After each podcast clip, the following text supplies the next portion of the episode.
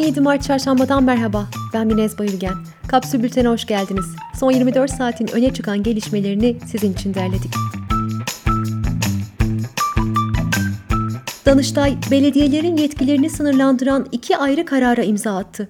İlk karara göre belediyelerin iştirakleri olan kuruluşlara yapılacak yönetici atamalarında yetki belediye meclislerinde olacak. Bu yetki daha önce belediye başkanlarına aitti. Karar özellikle meclislerinde Cumhur İttifakı üyelerinin çoğunlukta olduğu İstanbul ve Ankara belediyelerinin yetkilerini sınırlandıracak. İkinci kararda ise Danıştay, belediyelerin yardım kampanyası düzenleyerek para toplayamayacağına hükmetti. İçişleri Bakanlığı salgının ilk günlerinde belediyelerin başlattığı yardım kampanyalarını durdurmuştu. İmamoğlu ve Yavaş bakanlık genelgesinin iptali için Danıştay'a gitmişti. Türkiye 106 ülkeyi kapsayan 2020 Dünya Hava Kirliliği raporunda 3 sıra gerileyerek 46. sırada yer aldı. Türkiye'de hava kirliliğinin en yoğun olduğu kentler Çorum, Erzurum ve Düzce. Kaz Dağları'ndan altın çıkarma izni iptal edilen Kanadalı Alamos Gold şirketinin taşeronu Doğu Biga Madencilik 60 yıllık ruhsat hakları olduğunu söyledi ve hiçbir yere gitmiyoruz dedi. Şirket yetkilisi Ahmet Şentürk, Türkiye Cumhuriyeti'ne söz verdiğimiz gibi yerin altındaki madeni çıkaracağız dedi. Boğaziçi Üniversitesi protestoları sırasında Hisar kampüsü girişine kurulan polis barikatları iki buçuk ay sonra kaldırıldı. Akademisyenler eylemlerinin 52. gününde de rektöre sırt döndü. Boğaziçi dayanışması ikisi tutuklu 7 öğrencinin yargılandığı ilk duruşmaya gerçekleri haykıran herkesi çağırıyoruz diyerek destek çağrısında bulundu. HDP'nin tutuklu eski eş genel başkanı Demirtaş duruşmaya çıktı. Mahkemeye Ahim'in Demirtaş hakkındaki serbest bırakılmalı kararı hatırlatıldı. Demirtaş heyete andolsun hukuk önünde bana yaptığınız her şeyin hesabını soracağım diye seslendi. Radyo programcısı Hazım Özsu, dinleyicisi olduğunu söyleyen kişi tarafından evinin önünde öldürüldü. Zanlı programını beğenmediği için Özsu'yu öldürdüğünü söyledi. Devlet Demiryolları 3. Bölge Müdür Yardımcısı Cüneyt Can, İzmir'de kullandığı 131 yıllık tarihi binanın balkonuna PVC doğrama yaptırdı. Sağlık Bakanı Koca, illere göre haftalık vaka sayılarındaki son durumu açıkladı.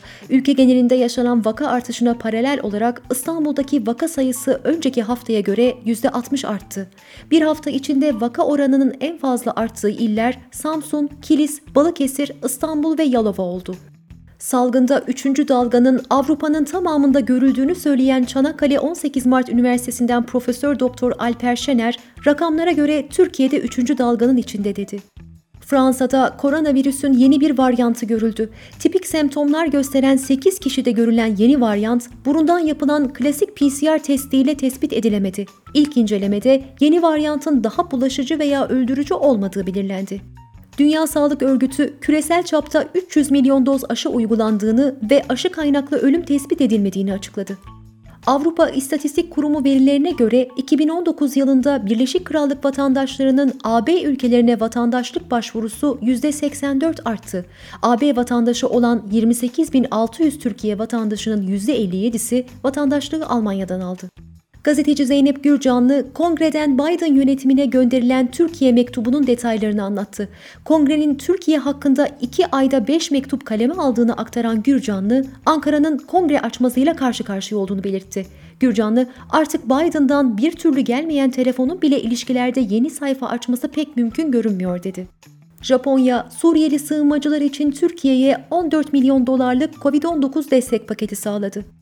Fransa 15 yaşını doldurmamış kişiyle yaşanan cinsel ilişkiyi tecavüz kabul eden cinsel şiddet yasasını onayladı. Yasaya göre 15 yaşından küçük biriyle birliktelik yaşayan yetişkin kişi 20 yıla kadar hapis cezası alabilecek. Vatikan, Almanya'da eşcinsel çiftlerin kilisede kutsanması planlarına izin vermedi. Eşcinsellerin birey olarak kutsanabileceği kaydedildi. Kuzey Kore lideri Kim Jong-un'un kız kardeşi Kim Yo-yong, ABD'ye bela çıkartmama uyarısı yaptı. Kim Yo-yong'un ülke yönetiminde etkin olduğu biliniyor. Seul'u ziyaret etmeye hazırlanan ABD'li yetkililer haftalardır Kuzey Kore ile temas kurmaya çalıştıklarını söylüyor.